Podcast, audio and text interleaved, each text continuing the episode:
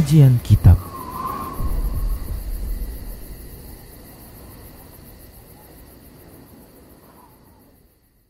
Bismillah, Assalamualaikum warahmatullahi wabarakatuh. Innalhamdulillah Nahmaduhu wa nasta'inuhu wa nasta'gfiruh Wa na'udhu billahi min syururi anfusina wa min sayyiati a'malina. Man yahdihillah fala mudillalah wa man yudrilhu fala hadiyalah وأشهد أن لا إله إلا الله وحده لا شريك له وأشهد أن محمدا عبده ورسوله صلى الله عليه وسلم. قال الله تبارك وتعالى يا أيها الذين آمنوا اتقوا الله حق تقاته ولا تموتن إلا وأنتم مسلمون. يا أيها الناس اتقوا ربكم الذي خلقكم من نفس واحدة وخلق منها زوجها وبس منهما رجالا كثيرا ونساء. واتقوا الله الذي تساءلون به والأرحام. إن الله كان عليكم رقيبا. يا أيها الذين آمنوا اتقوا الله وقولوا قولا سديدا. يصلح لكم أعمالكم ويغفر لكم ذنوبكم. ومن يطع الله ورسوله فقد فاز فوزا عظيما. أما بعد.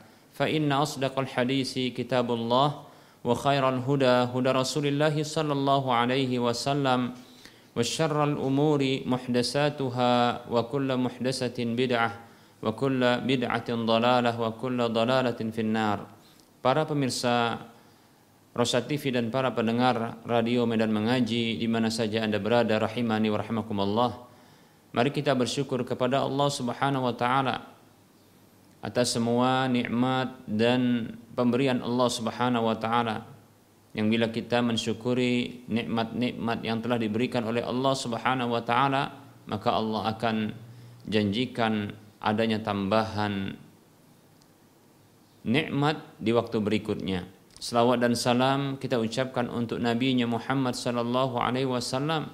Semoga Allah Subhanahu wa taala memberikan taufik kepada kita agar kita menjadi hambanya yang senantiasa taat kepada Rasulnya.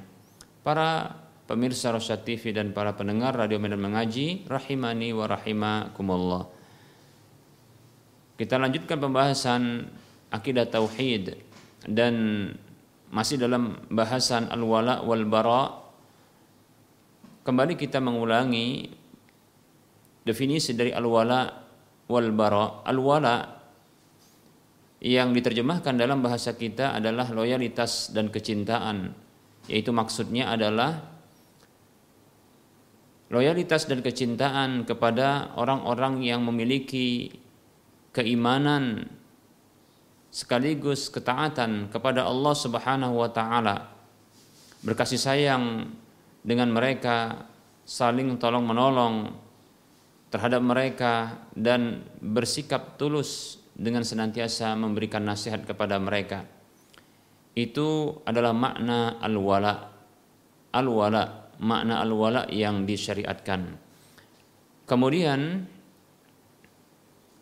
makna al-bara yang dalam bahasa kita diterjemahkan dengan berlepas diri atau kebencian.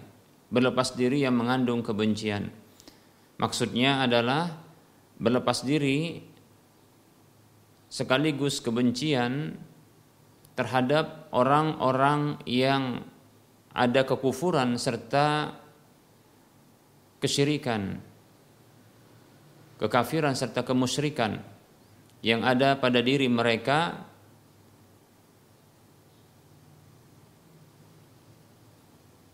Sekaligus meninggalkan kebiasaan-kebiasaan buruk, kebiasaan-kebiasaan yang menjadi kekhususan bagi mereka baik itu dalam urusan agama maupun dalam urusan dunia mereka. Ya.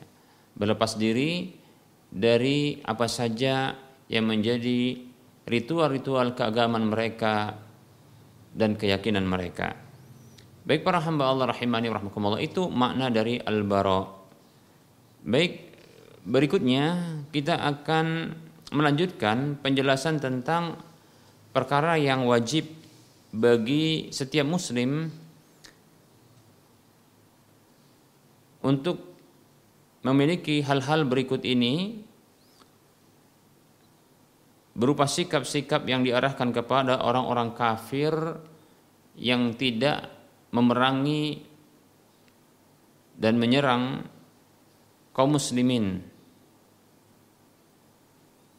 Hal-hal berikut bukanlah bentuk loyalitas yang diharamkan.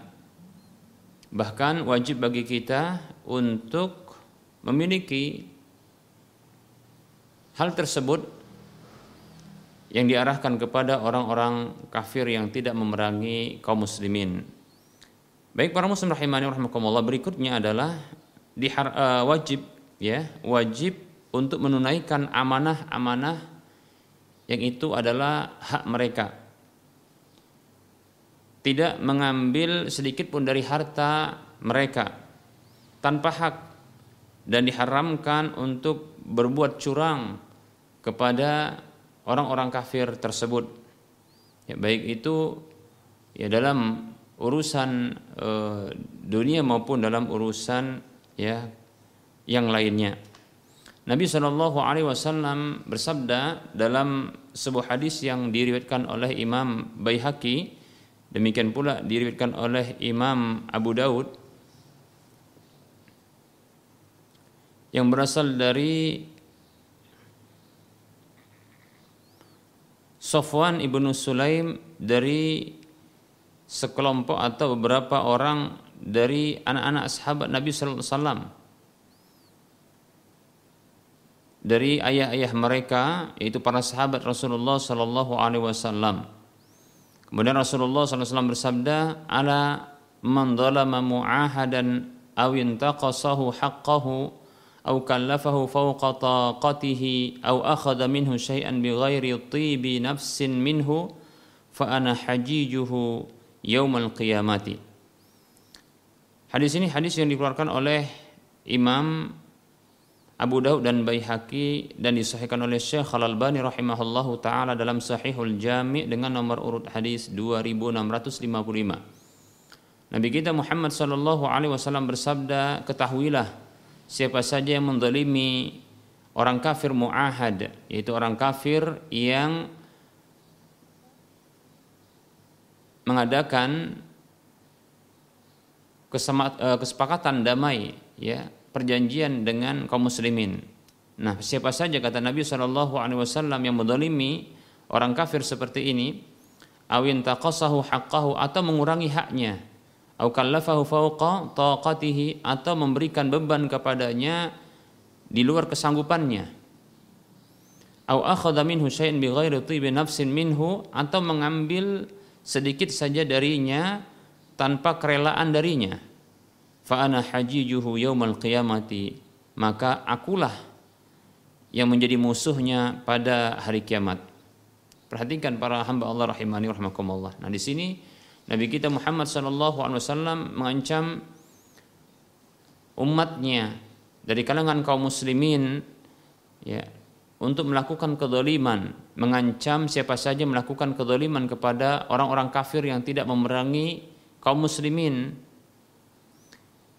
untuk berlaku dolim kepada mereka, mengurangi hak mereka, ya mengambil apa yang menjadi hak mereka, maka ketahuilah Rasulullah SAW kelak akan menjadi musuh musuh yang akan menuntut mereka pada hari kiamat. Nah, baik para hamba Allah rahimani warahmatullah.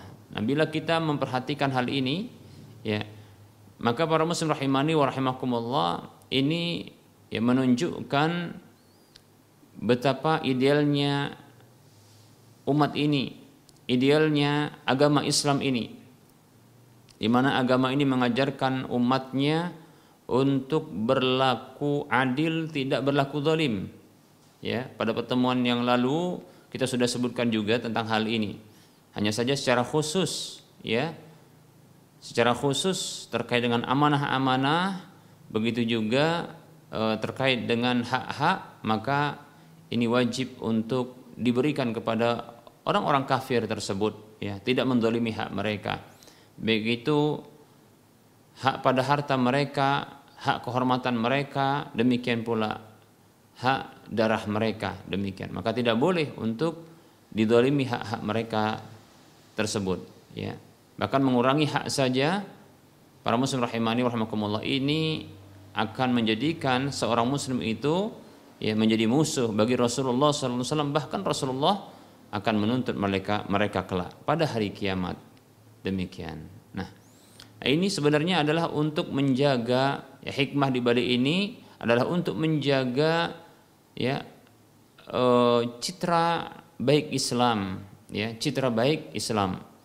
Agar tidak ternodai dengan sikap-sikap yang buruk karakter-karakter buruk sehingga ini akan membuat jauhnya manusia dari Islam ini. Mereka tidak mau ya mengenal mempelajari bahkan masuk ke dalam Islam. Demikian para hamba Allah rahimani wa rahimakumullah.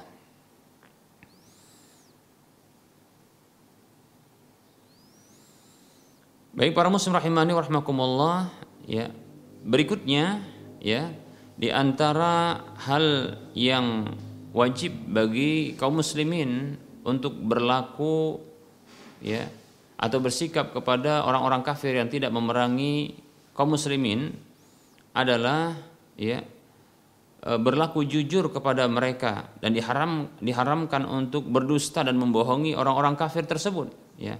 Diharamkan untuk berlaku buruk kepada orang kafir tersebut baik itu dalam ya perkataan ataupun dalam sikap. Berdasarkan keumuman firman Allah Subhanahu wa taala dalam surah Al-Baqarah ayat 83 Allah mengatakan a'udzu billahi minasyaitonir rajim wa qulu lin-nasi husna.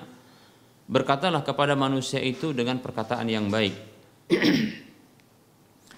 Bahkan ya selayaknya bagi seorang muslim untuk ya melemah lembutkan perkataan mereka ya kepada orang-orang kafir tersebut ya.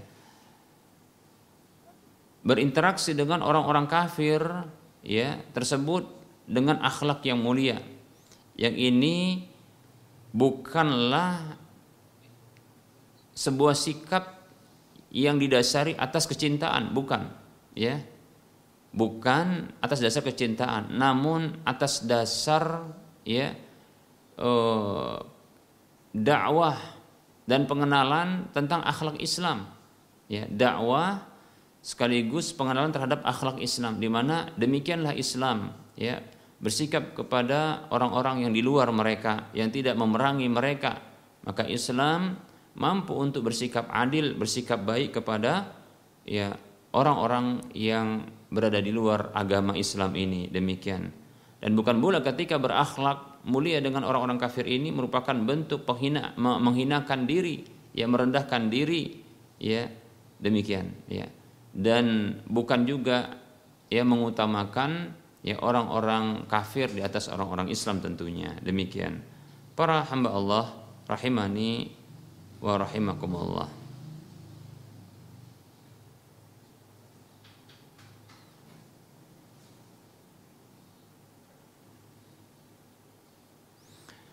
Berkata Al-Imam Al-Qarafi yang bermadzhab Maliki dalam kitab Al-Furuq. Ya.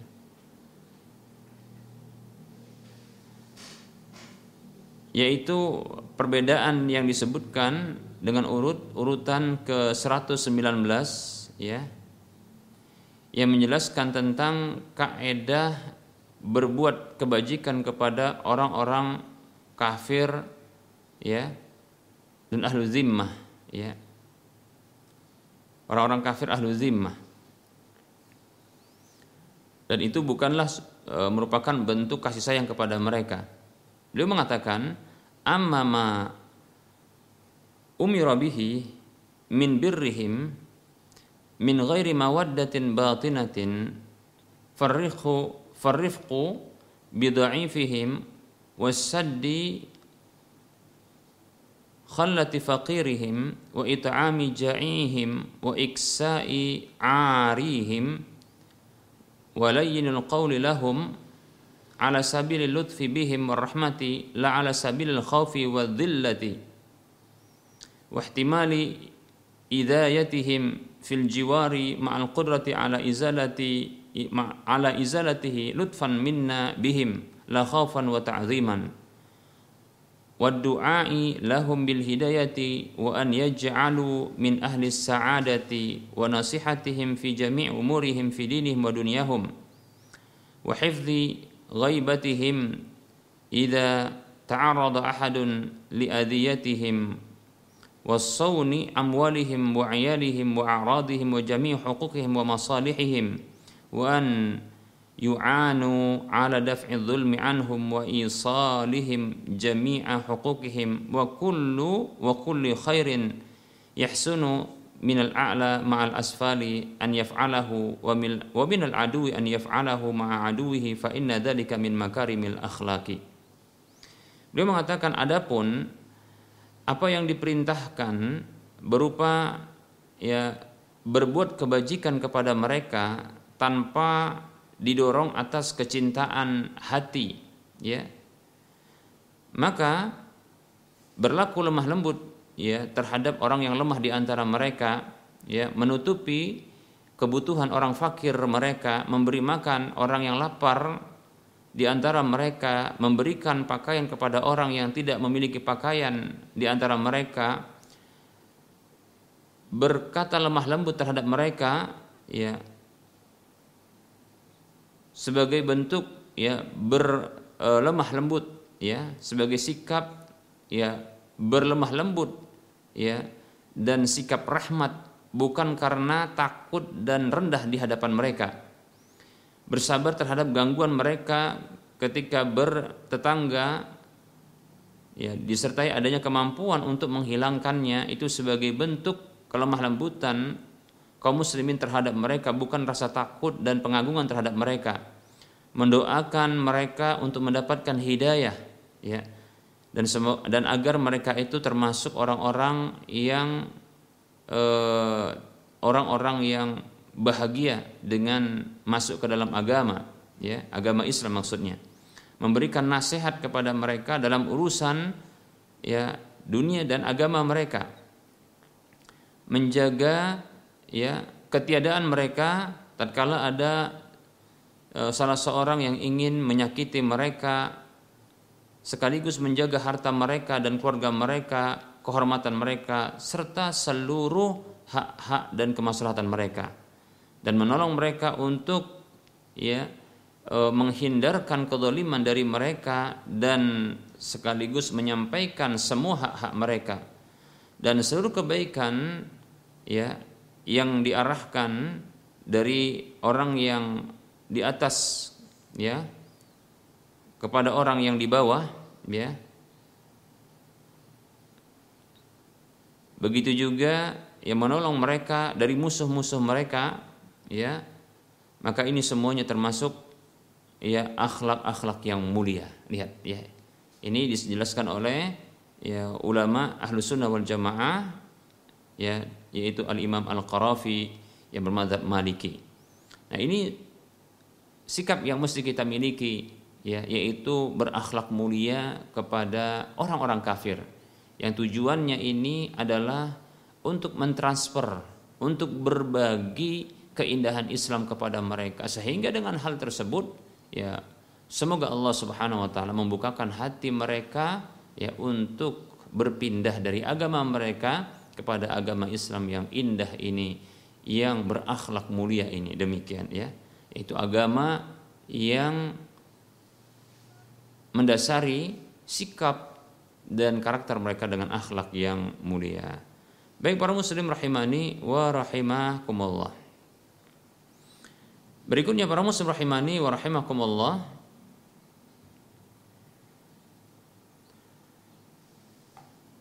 Di antara yang wajib bagi setiap muslim di antara hal yang wajib bagi setiap muslim untuk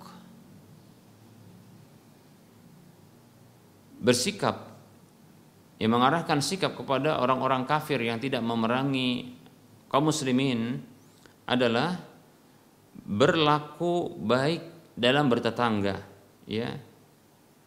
Bila tetangganya tersebut adalah orang-orang kafir yang tidak memerangi kaum muslimin ya. Dengan tidak ya e, mengganggu mereka bahkan menahan gangguan dari mereka ya. Bahkan masih dianjurkan untuk berbagi ya mengirimkan makanan atau bersedekah kepada mereka kalau mereka ini adalah orang-orang fakir ya orang-orang miskin ya memberikan hadiah kepada mereka ya begitu juga ya memberikan nasihat kepada mereka dalam hal-hal yang memberikan manfaat bagi mereka. Baik itu dalam urusan dunia mereka maupun dalam urusan keyakinan mereka. Nah seperti itu. Ya tentunya adalah nasihat yang menyadarkan mereka untuk mengarahkan ibadahnya kepada satu sesembahan saja yaitu Allah tabaraka wa taala. Nah, ini berdasarkan keumuman sabda Nabi Shallallahu alaihi wasallam yang diriwayatkan oleh Imam Bukhari dan Muslim dalam kedua kitab sahih mereka berdua. Rasulullah Shallallahu alaihi wasallam beliau bersabda, "Mazalu Jibrilu yusini bil jari hatta dhanantu annahu sayuwarrisuhu. Ya. Kata Nabi Shallallahu Alaihi Wasallam senantiasa Jibril alaihissalam itu berwasiat kepadaku untuk berlaku baik terhadap tetangga. Sampai-sampai aku mengira bahwasanya tetangga itu akan ya mewarisi tetangga yang lainnya. Demikian. Sampai-sampai seperti itu, ya dikasih wasiat, dipesankan. Nah, seolah-olah ini ada hubungan yang sangat dekat. Ternyata tidak. Ini ada hak tetangga yang harus dijaga. Demikian para muslim rahimani wa. Ya. Nah, ini begitu mulianya Islam, ya. Begitu mulianya Islam, agama yang mulia yang mengajarkan akhlak mulia, ya, sampai pun ketika bertetangga, ya, walaupun kafir, tetap diberikan haknya ya diberikan haknya. Ya. Bahkan juga dalam hadis Nabi Shallallahu Alaihi Wasallam mangkana yu'minu billahi wal yaumil akhir fal yukrim jarahu. Siapa saja yang beriman kepada Allah dan hari akhir maka hendaklah dia muliakan tetangganya tidak disebutkan di sini apakah tetangga yang muslim saja ya atau tetangga yang senasab saja tidak. Ya ini bentuknya umum ya bentuknya umum ya. Yaitu bentuk idhofah isim yang diidhofahkan ya kepada isim ma'rifah. Maka ini bermuatan umum ini bermaksud umum ya mengandung keumuman. Artinya ya semua tetangga baik itu dia kafir ataupun muslim. Demikian ya. Maka merupakan tuntutan keimanan dan bukti keimanan adalah memuliakan tetangga berbuat baik kepada tetangga ya. Falyihsin jarahu.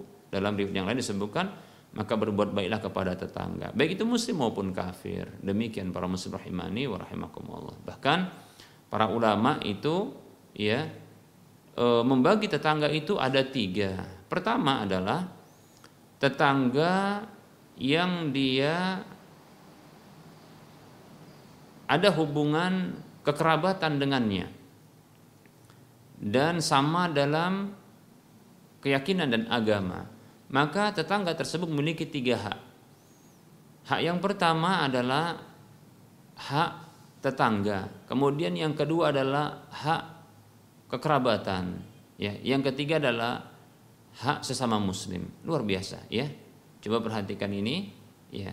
Jadi seorang tetangga kita bila terpenuhi tiga hal ini, maka dia memiliki tiga hak tersebut ya dia memiliki hak ya sebagai seorang muslim untuk diberikan hak-haknya kepada mereka ya diucapkan salam dijenguk ketika sakit ya kemudian e, diiringi jenazahnya apabila dia wafat ya mengucapkan salam atau menjawab salam ya e, memberikan nasihat ketika diminta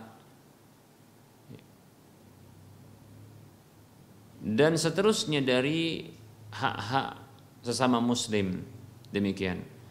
Nah, bila dia seorang yang termasuk karib kerabat, maka di sini ada haknya sebagai kerabat yang harus ya dijaga silaturahim dengannya, ya, dijaga silaturahim dengannya. Nah, apabila dia seorang yang yang dia Ya, tetangga tersebut maka dia punya hak tetangga ya seperti itu. Jadi nah, luar biasa. Ini coba diperhatikan ya eh, manusia-manusia yang menjadi tetangga kita ya. Apakah dia telah tertep, eh, telah terpenuhi tiga hak ini ataukah hanya satu hak saja? Baik apabila eh, ini rincian yang kedua. Apabila tetangga tersebut ya adalah seorang muslim namun tidak ada hubungan kekerabatan dengannya maka dia punya dua hak. Ya maka dia punya dua hak. Hak pertama adalah hak sebagai tetangga kemudian yang kedua adalah hak sebagai seorang muslim. Demikian ya. Seperti itu.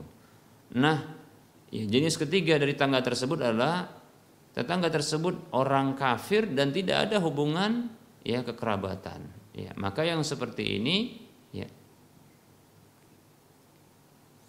dia hanya punya satu hak saja yaitu hak tetangga tetap saja untuk dimuliakan. Tetap saja ada kewajiban bagi kita untuk memuliakan mereka, tetangga-tetangga tersebut walaupun dia kafir karena dia punya hak tetangga. Demikian para muslim rahimani warahmatullah. Bagaimana pula apabila tetangga tersebut dia seorang muslim dan ternyata adalah karib kerabat kita. Terkadang juga ada sebahagian orang yang tetang, ternyata tetangganya tersebut adalah seorang yang ada hubungan kekerabatan namun masih kafir. Nah, ini juga memiliki dua hak, ya. Yaitu hak tetangga sekaligus hak kekerabatan. Demikian, ya. Baik para hamba Allah rahimani wa.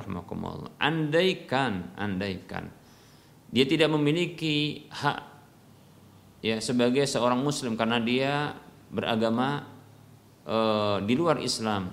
Dan dia bukanlah kerabat ya sehingga tidak ada kewajiban untuk bersilaturahim. Namun dia adalah tetangga. Dia punya hak untuk kita berlaku baik kepadanya memenuhi hak-haknya memuliakannya. Demikian para muslim rahimani wa rahimakumullah ya. Baik para muslim rahimani wa rahimakumullah. Kita akan lanjutkan ya.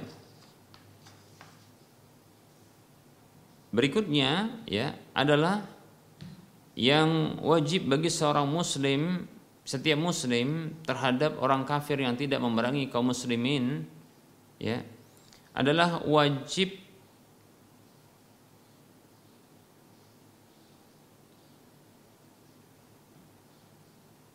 membalas salam ya membalas salam orang kafir tersebut apabila dia mengucapkan salam kepada orang Islam Bagaimana bentuk menjawab salamnya? Nah ini ya, yaitu dengan menjawab waalaikum ya, waalaikum. Seperti itu jawabannya. Baik, jadi para muslim rahimani rahimakumullah apabila ada orang kafir yang mengucapkan salam, baik itu ya oh, salam itu merupakan doa keselamatan, doa kedamaian ya seperti assalamualaikum ya. Atau dia merupakan ya e, mirip dengan doa kedamaian tapi ucapannya assalamualaikum yaitu kecelakaan bagimu ya demikian. Nah ini tetap wajib untuk menjawabnya dengan ungkapan ya waalaikum demikian. Seperti itu. Ini berdasarkan dalil hadis Nabi Shallallahu Alaihi Wasallam hadis yang diriwayatkan oleh Imam Bukhari dan Muslim. Namun yang jelas adalah dalam riwayat Muslim disebutkan Nabi kita Muhammad sallallahu alaihi wasallam bersabda idza sallama alaikum ahlul kitab faqulu wa alaikum. Ya. Apabila orang ahlul kitab itu mengucapkan salam kepada kalian maka balaslah ucapkanlah wa alaikum. Ya hadis riwayat Bukhari Muslim seperti itu. Namun tidak boleh ya bagi kita untuk memulai mengucapkan salam kepada orang-orang kafir. Tidak boleh ya. Berdasarkan sabda Nabi Shallallahu Alaihi Wasallam hadis yang diriwayatkan oleh Imam Muslim la tabda'u al yahuda wan nasara bis salami janganlah kalian mulai mengucapkan salam kepada orang Yahudi dan Nasrani. Tidak boleh ya. Tidak boleh haram ya memulai mengucapkan salam demikian ya Mengapa? Karena orang kafir tidak ada keselamatan, tidak ada kedamaian bagi mereka ya di akhirat kelak ya karena adanya kekufuran ya dan kesyirikan yang ada pada diri mereka bagaimana mereka ini berhak untuk mendapatkan keselamatan, kesentosaan dari Allah Subhanahu wa taala sementara mereka masih dalam kondisi kafir. Demikian, ya. Seperti itu.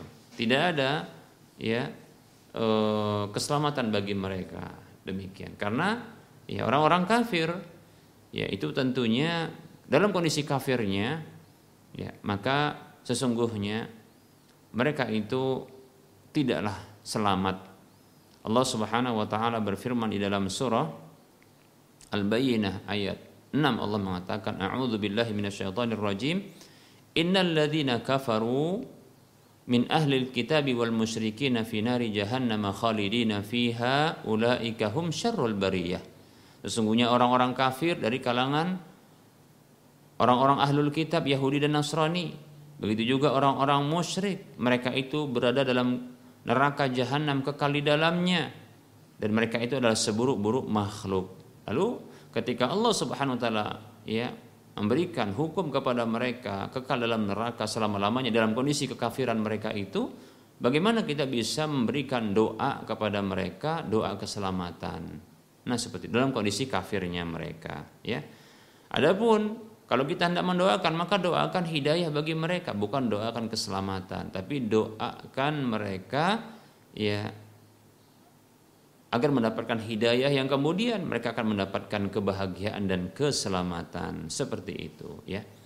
Adapun eh, jika mereka yang memulai salam tersebut ya mungkin karena terbiasa ya dengan kebudayaan dan kebiasaan baik dalam Islam yaitu menyapa dengan sapaan kemuliaan dan penghormatan ya. Dan sapaan yang memuat doa itu ucapan salam assalamualaikum maka mereka pun ikut-ikutan mengucapkan itu kepada kaum muslimin. Maka balaslah salam tersebut namun dengan ungkapan waalaikum sebagaimana yang diajarkan oleh Nabi kita Muhammad sallallahu alaihi wasallam. Waalaikum demikian. Apa artinya? Dan atas kalian. Udah begitu saja ya. Demikian para muslim rahimani wa rahimakumullah baik para muslim rahimani wa rahimakumullah.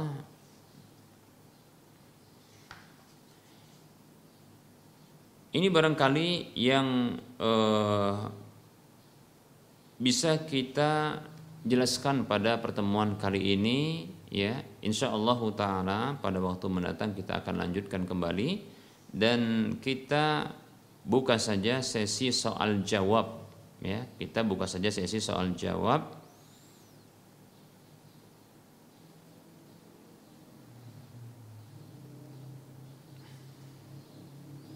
Ada pertanyaan di sini dari Ibu Nur ya, Ibu Nur Dabo Singkap. Ya, barakallahu fiik. Assalamualaikum Ustaz. Ini pertanyaan beliau. Assalamualaikum Ustaz. Kalau kita mengucapkan selamat berpuasa, boleh tidak? Syukron. Ya. Baik, Waalaikumsalam warahmatullahi wabarakatuh. Ya, bila kita mengucapkan kepada sesama kaum muslimin, ya selamat berpuasa, ya.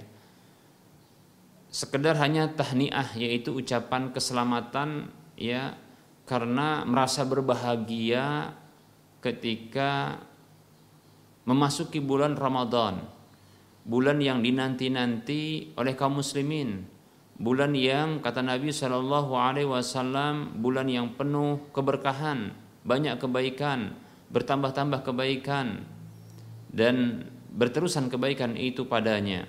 Yang kata Nabi Shallallahu Alaihi Wasallam atakum Ramadanu syahrun mubarakun. Datang kepada kalian Ramadan itu bulan sebuah bulan yang penuh keberkahan yaitu penuh dengan kebaikan. Ya banyak kebaikan bertambah-tambah kebaikan dan berterus kebaikan itu ya. Maka Allah taala alam saya condong eh, bahwasanya tidak ada eh, petunjuk dari Nabi SAW dan para salaf yang saya ketahui selama atau sependek yang saya ketahui saya tidak pernah mendapatkan ya eh, riwayat dari para eh, salaf dahulu baik itu ya Nabi kita Muhammad SAW begitu juga para sahabat tabiin tabiut tabiin yang mereka ini ya mengucapkan selamat ya berpuasa kepada sesama muslim. Tapi ya apabila ini e, berjalan di atas kebiasaan masyarakat karena begitu gembira dan senangnya dengan kehadiran bulan yang mulia, bulan yang penuh berkah ini, ya. Maka apabila mereka mengucapkannya, saya condong tidak masalah. Saya hanya bisa memberi penjelasan bahwa saya tidak, saya pribadi belum pernah mendapatkan riwayat. Ya satu riwayat pun. Ya kalau seandainya ada yang mengetahui ya mengetahui bahwasanya ada riwayat dari nabi, dari sahabat, dari tabiin atau tabiin tabiin atau para ulama yang mereka mengucapkan selamat berpuasa, maka eh, mohon untuk bisa berbagi ilmu ini. Ya sehingga barangkali ya saya bisa berubah pendapat ya seperti itu. Namun kembali kita katakan ya eh, berdasarkan riwayat saya pribadi belum belum pernah mendapatkan satu riwayat pun dari Nabi Sallallahu Alaihi Wasallam, para sahabat radhiyallahu anhum dan para ya tabi'in tabi'in tabi'ut tabi'in dan para ulama ya.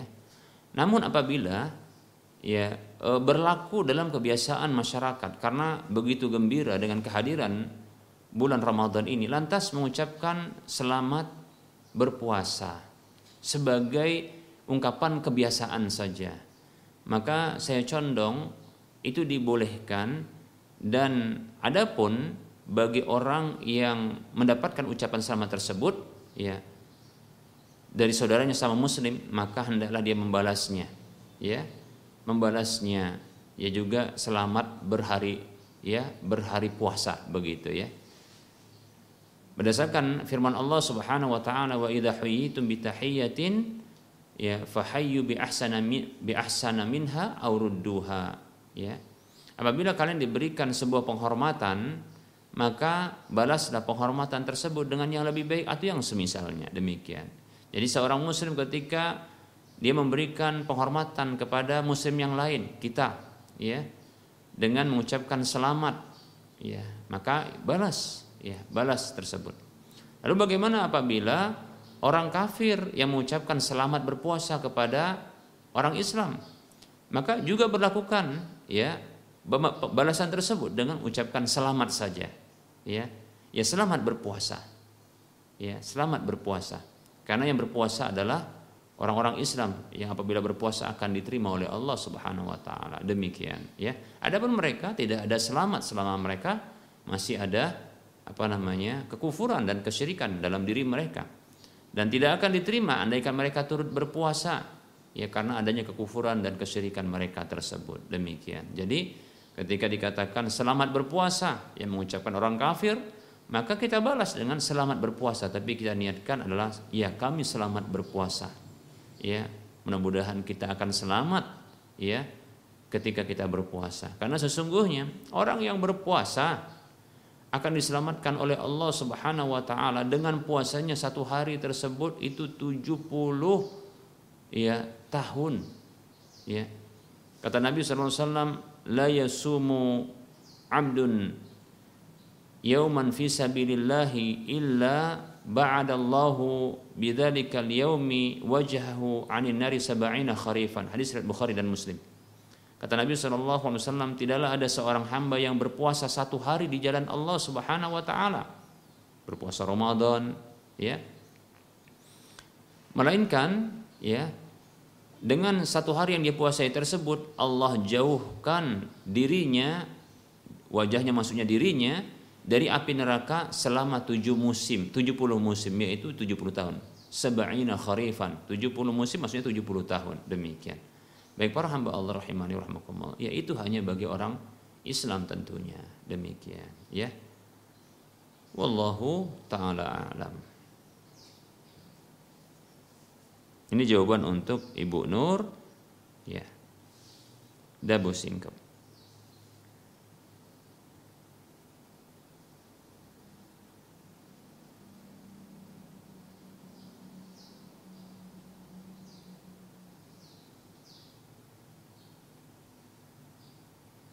Pertanyaan berikutnya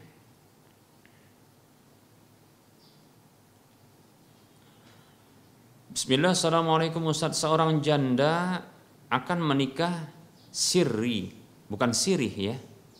Sirih itu daun atau pohon ya. Tapi sirri ya, maksudnya adalah nikah rahasia. Dan anak-anak laki-lakinya menjadi walinya. Namun yang menikahkan adalah seorang mudin yang ditunjuk desa, bukan penghulu dari KUA karena hanya menikah siri. Apa betul begitu Ustaz? Barakallahu fiik. Waalaikumsalam warahmatullahi wabarakatuh. Perlu diketahui bahwasanya seorang janda tidaklah dia dinikahkan kecuali atas dasar perintahnya ya. Kata Nabi SAW la tungkahul aimu hatta tustamara wala tunkahul bikru wa hatta tusta'zana. Tidaklah seorang janda itu dinikahkan sampai dimintai perintahnya dan tidaklah seorang gadis itu dinikahkan sampai dimintai izinnya. Demikian. Hadisnya sahih nah apabila seorang janda dia memang ingin menikah ya maka jangan ditunda-tunda karena tentunya orang yang telah merasakan nikmatnya menikah ketika ditunda maka ini berbahaya bagi dirinya demikian. Nah, siapakah yang menjadi walinya? Maka sama antara gadis maupun janda. Hanya saja ya bagi seorang janda ada tambahan yaitu anak kandungnya itu bisa menjadi walinya. Ya, anak kandungnya itu bisa menjadi walinya. Hanya saja hanya saja ada wali ahak namanya, wali yang paling berhak seperti ayahnya. Maka jangan dilewatkan. Sebaiknya ayah dari si janda ini yang menikahkan. Demikian, seperti itu. Begitu juga saudaranya, saudara kandungnya, ya. Maka itu juga adalah walinya. Namun bila tidak ada mereka, boleh yang menikahkan adalah anaknya. Demikian, ya. Jadi wali itulah yang menikahkan, bukan orang lain. Kecuali apabila wali yang berhak tersebut ya mewakilkan perwalian dalam pernikahan tersebut kepada orang lain walaupun tidak memiliki hubungan kekerabatan. Seperti contohnya adalah kepada pihak KUA, ustadz, ya, tokoh agama atau siapa pun, ya. Maka boleh untuk menjadi wakil dari dari wali yang berhak seperti itu ya demikian adapun nikah sirri nikah rahasia maksudnya adalah yang berlaku di eh, di Indonesia setahu saya maksud dari nikah sirri adalah nikah yang tidak tercatat di kantor urusan agama ya yaitu menikah tanpa melakukan pencatatan pernikahan tersebut ya yang dilakukan oleh pihak KUA kantor urusan agama demikian. Apakah sah? Apakah betul? Maka kita katakan iya bisa sah eh, pernikahan tanpa pencatatan dari ya pihak KUA. Karena di zaman Nabi SAW dahulu juga tidak ada ya pencatatan ya dari pihak e, pemerintahan demikian ya. Asalkan terpenuhi syarat dan rukunnya maka insya Allah taala sah ya. Ya tentunya ada mempelai laki-laki dan perempuan ya kemudian eh, mempelai perempuan tidak dipaksa demikian ya. Dan ini bukan pernikahan yang diharamkan seperti mungkin se apa namanya senasab ya atau semahram ya. Kemudian eh, bukan nikah yang atas dasar pergantian ya maksudnya adalah tukar-tukaran antara ya satu dengan yang lainnya. Bukan juga nikah kontrak dengan penetapan batasan waktu lamanya pernikahan ya nah bila terpenuhi ya syarat dan rukunnya dan tidak e, termasuk nikah-nikah yang diharamkan insya Allah taala maka sah dianya ya sah insya Allah ya seperti itu ada wali yang menikahkan. Ingat ini wali. Ya, wali harus yang menikahkannya. Kata Nabi wasallam, "Ayyu mamra'atin nakahat bi ghairi idni waliha fanikahuha batilun fanikahuha batilun fanikahuha batilun." Tiga kali Nabi mengatakan begitu. Wanita mana saja yang menikah tanpa izin dari walinya, maka nikahnya adalah batil, nikahnya batil, nikahnya batil demikian. Maka wali yang harus menikahkannya. Seperti itu ya. Demikian. Adapun dipandu oleh orang lain seperti dari pihak KUA atau pihak tokoh agama ya, maka tidak masalah. Ya, tidak masalah. Yang penting walinya menikahkan. Dan andaikan walinya pun tersebut mewakilkan kepada pihak lain untuk menikahkan maka ini sah pula atas izinnya tentunya ya dan kerelaannya dan ada saksi ada mahar ya ada kerelaan sang wanita dan demikian pula ada kewajiban yang lain yang harus juga terpenuhi yaitu adanya ya walimah sebagai iklan pemberitahuan kepada masyarakat setempat bahwasanya Kedua, mempelai ini telah sah menjadi sepasang suami istri. Demikian ya. Wafik barakallah wallahu taala a'lam.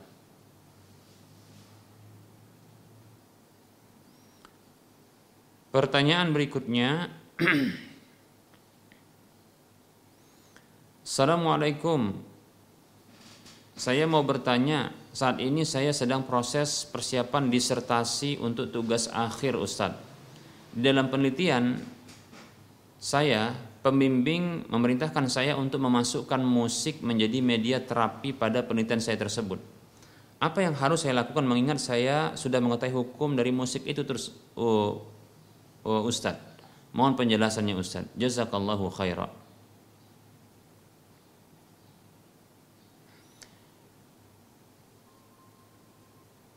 Waalaikumsalam warahmatullahi wabarakatuh.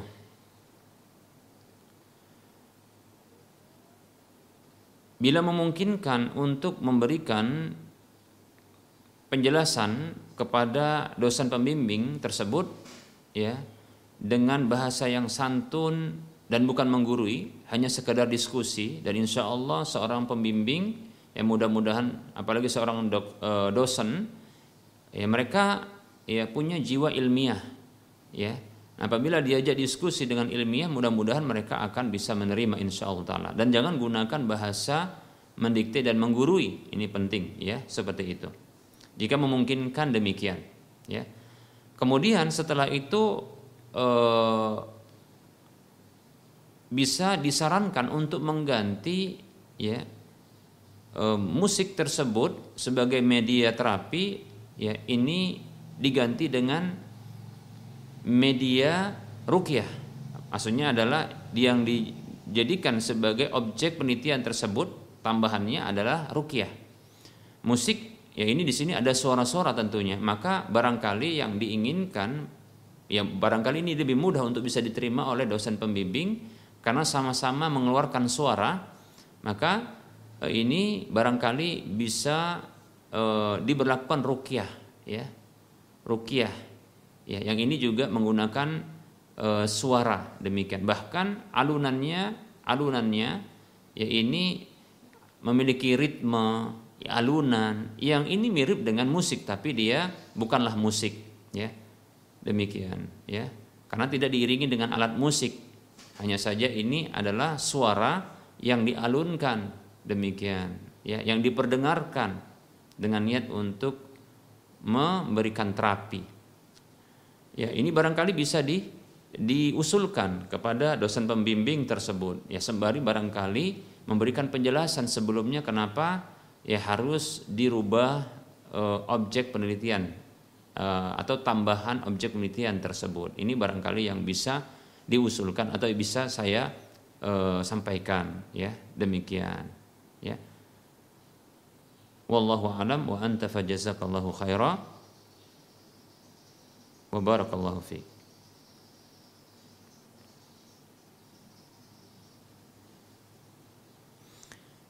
Bismillah, Assalamualaikum. Semoga Allah menjaga dan memuliakan Ustadz serta keluarga. Maaf Ustadz, saya ingin bertanya. Saya mengharap jawaban dari Ustadz. Apalagi orang yang jauh di pelosok desa yang tidak ada da'i untuk bisa tempat bertanya. Saya hanya orang yang fakir ilmu dan sangat membutuhkan ilmu. Ustadz, saya kemarin menanyakan buku kepada salah satu penjual buku setelah diberitahu harganya, ternyata uang saya tidak cukup. Lalu saya bilang, saya mau jual kerudung terlebih dahulu karena uang belum cukup. Dan nanti kalau kerudungnya sudah laku, saya kabari lagi. Saya bilang begitu kepada penjual bukunya. Ternyata guru yang mengajar bahasa Arab menyediakan buku bagi peserta didik yang ingin membeli bukunya dan harganya sangat jauh berbeda selisihnya 100 ribu dari penjual buku tersebut jadi saya pesan bukunya dari guru yang mengajar bahasa Arab itu Ustadz. Tapi saya kok rasanya bersalah kepada penjual buku tadi. Rasa hati tidak tenang Ustadz. Pertanyaannya, apakah saya termasuk zalim kepada penjual buku tadi dan apa yang harus saya lakukan? Demikian.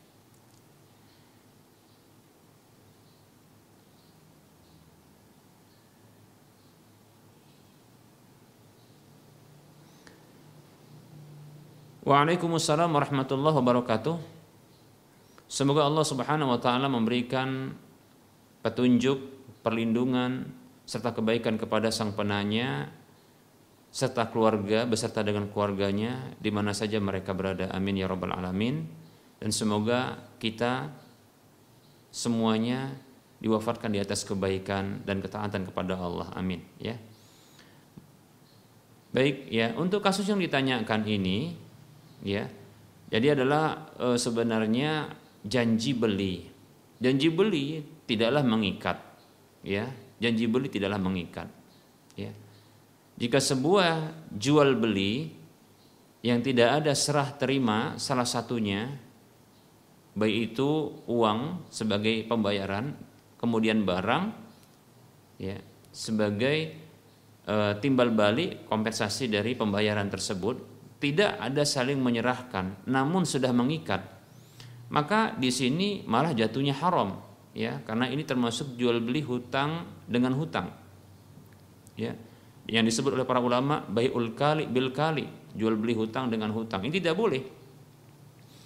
Adapun kasus yang ditanyakan ini, saya condong ini hanyalah sebagai janji beli, ya, hanya janji beli. Nanti kalau laku kerudung kan begitu, ya Nah, artinya ya ketika kerudung tersebut tidak dijual ya maka syaratnya tidak terpenuhi sehingga janji itu tidak perlu dipermasalahkan. Demikian seperti itu ya.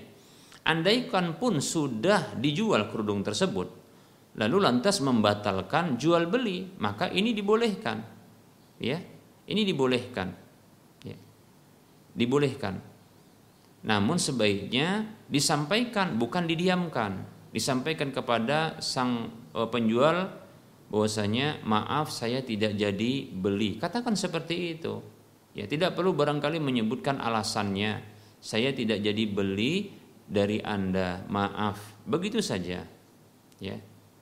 Demikian. Karena tidak ada yang diserah terimakan. Nah, sebenarnya sebagaimana sang calon pembeli ini tidaklah e, memperlakukan ya jual beli yang mengharuskan atau berkonsekuensi mengikat tadi, begitu juga sang penjual buku dia juga tidak terikat dengan hal tersebut. Andaikan seandainya dalam proses penjualan kerudung ya oleh calon pembeli tersebut ternyata ada e, calon pembeli lain yang menginginkan buku itu, maka boleh bagi sang penjual buku untuk menjual bukunya tersebut. Nanti dia bisa mengadakan buku yang lain. Kalaupun seandainya tidak, maka boleh sebelum dia jual kepada orang lain, ya contoh ya ketika dalam proses apa namanya proses eh, menunggu terjualnya kerudung tersebut, lalu ternyata ada calon pembeli buku tersebut maka sang penjual sebagai bentuk adab ya maka dia menelpon atau memberitahu kepada calon pembeli ya bahwasanya dia batal jual buku tersebut. Nah, seperti itu itu adab yang harus ditempuh. Ya, demikian. Ya, seperti itu. Begitu juga sama ya, pembeli tersebut, calon pembeli ini baik itu sudah terjual kerudungnya atau belum terjual kerudungnya. Kalau belum terjual kerudungnya, ini tadi syarat mau beli kan gitu ya. Akan beli kalau sudah terjual kerudungnya. Kalau sudah terjual pun masih bisa untuk dibatalkan, apalagi belum terjual. Ya, demikian. Maka ketika barangkali dia hendak beralih kepada eh, penjual buku yang lain, dalam hal ini adalah guru, ya maka gurunya sendiri yang menjual buku itu. Maka sebaiknya dia batalkan terlebih dahulu, ya. Jangan dia menimpa ya tawaran orang lain. Nah, seperti dalam hal ini kan dia menawarkan ya dalam bentuk tawaran, tawar menawar di sini, belum jual beli, tawar menawar, ya. Kata Nabi SAW, la yasum ya ba'dukum ala ba'din ya la yasum ya la yasum ya. Ba'dukum ada ba'din. Janganlah sebagian kalian itu ya menawar di atas tawaran orang lain. Demikian. Ya, ya jangan sampai dalam proses penangguhan seperti apa namanya proses penantian seperti ini malah ya oh, apa namanya dialihkan atau ditimpa tawaran tersebut dengan cara dibeli dari pihak lain lantas dibiarkan tanpa diberitahu sehingga dia terkatung-katung menanti. Nah, ini tidak adab yang seperti ini. Ini terlarang. Maka sebelum membeli dari uh, sang guru yang telah menjual uh, buku yang yang juga menjual buku tersebut, maka hendaknya terlebih dahulu membatalkan kepada pihak ya penjual buku tersebut, ya demikian. Maka batalkan. Maaf saya tidak jadi beli ya seperti itu ya, mudah-mudahan nanti orang tersebut akan mendapatkan pahala. Demikian ya. Nah kemudian baru beralih kepada ya pembelian buku kepa, dari sang guru tersebut. Wallahu taala a'lam. Semoga bermanfaat. Ada pertanyaan? Assalamualaikum warahmatullahi wabarakatuh. Ustadz bolehkah mekanisme jual beli barang seperti ini Ustadz? Si A membeli barang dari si B jadi si penjual adalah si B, si A adalah pembeli. Kemudian barangnya tetap di tempat si B. Sebab si A belum mengambil barangnya. Nah, si A ini ingin menjual kembali barang tersebut melalui si B. Apakah boleh seperti itu, Ustaz? Baik, Waalaikumsalam warahmatullahi wabarakatuh. Ada hadis Nabi wasallam yang bunyinya Mani beta'a ta'aman Beliau selalu bersabda Mani beta'a ta'aman Fala yabi'hu hatta yakbidahu Hadis riwayat Bukhari. Dan kalau tidak salah juga Muslim. Kata Nabi SAW Siapa saja yang membeli makanan. Ibnu Abbas radhiyallahu anhu radhiyallahu anhu mengatakan ya Aku meyakini semua barang itu seperti makanan. Wa ahsibu kulla syai'in bimanzilati ta'am katanya. Aku meyakini segala sesuatu itu seperti makanan, begitu. Jadi kalau diterjemahkan secara e, makna siapa saja yang membeli e, siapa saja membeli barang, apa saja barangnya termasuk makanan, ya. Fala kata Nabi, janganlah dia menjual kembali hatta yakbidahu sampai dia serah terima yaitu dia menerima barang tersebut. Baru setelah itu dia boleh menjualnya. Demikian. Nah seperti itu. Nah, dalam kasus yang ditanyakan ini tidak ada ya tidak ada serah terima dari uh, uh, kepada dari si B kepada si A. Lalu mau diwakilkan kepada si uh, si si B untuk menjual kembali Nah, yang bisa jadi adalah di sini terjadi kerusakan atau ada hal-hal yang barangkali di sini ada cacat. Nah, ini bahaya, ya. Nanti komplainnya ke mana? Ya, komplainnya ke mana? Kalau seandainya ternyata barang tersebut ada cacatnya, demikian, ya. Ini tidak boleh, terlarang seperti itu. Oleh karenanya diterima terlebih dahulu, dilihat apakah ada catat atau tidak, telah terpenuhi, ya. Baru setelah itu silahkan dijual. Ya, seperti itu. Bisa diwakilkan kepada orang lain. Atau bisa diwakilkan juga kepada sang penjual sebelumnya, tapi diserah terimakan terlebih dahulu ya. Wallahu taala a'lam.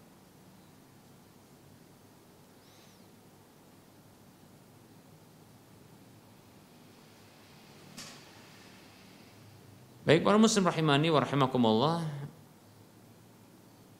Kita cukupkan untuk pembahasan kita kali ini ya.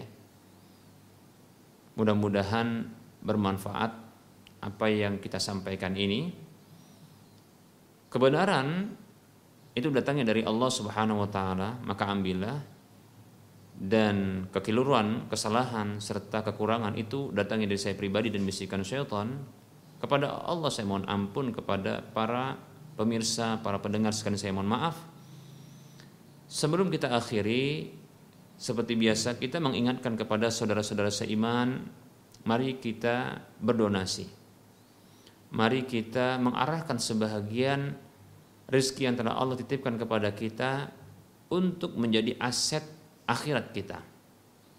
Di mana ini akan menjadi manfaat berupa pahala yang akan terus mengalir kepada kita yang minimalnya adalah 700 kali lipatnya mengalir kepada kita walaupun kita telah tiada walaupun kita telah berada di alam baka demikian ya. Maka mari kita berinfak. Infakkan harta Anda untuk membebaskan lahan di mana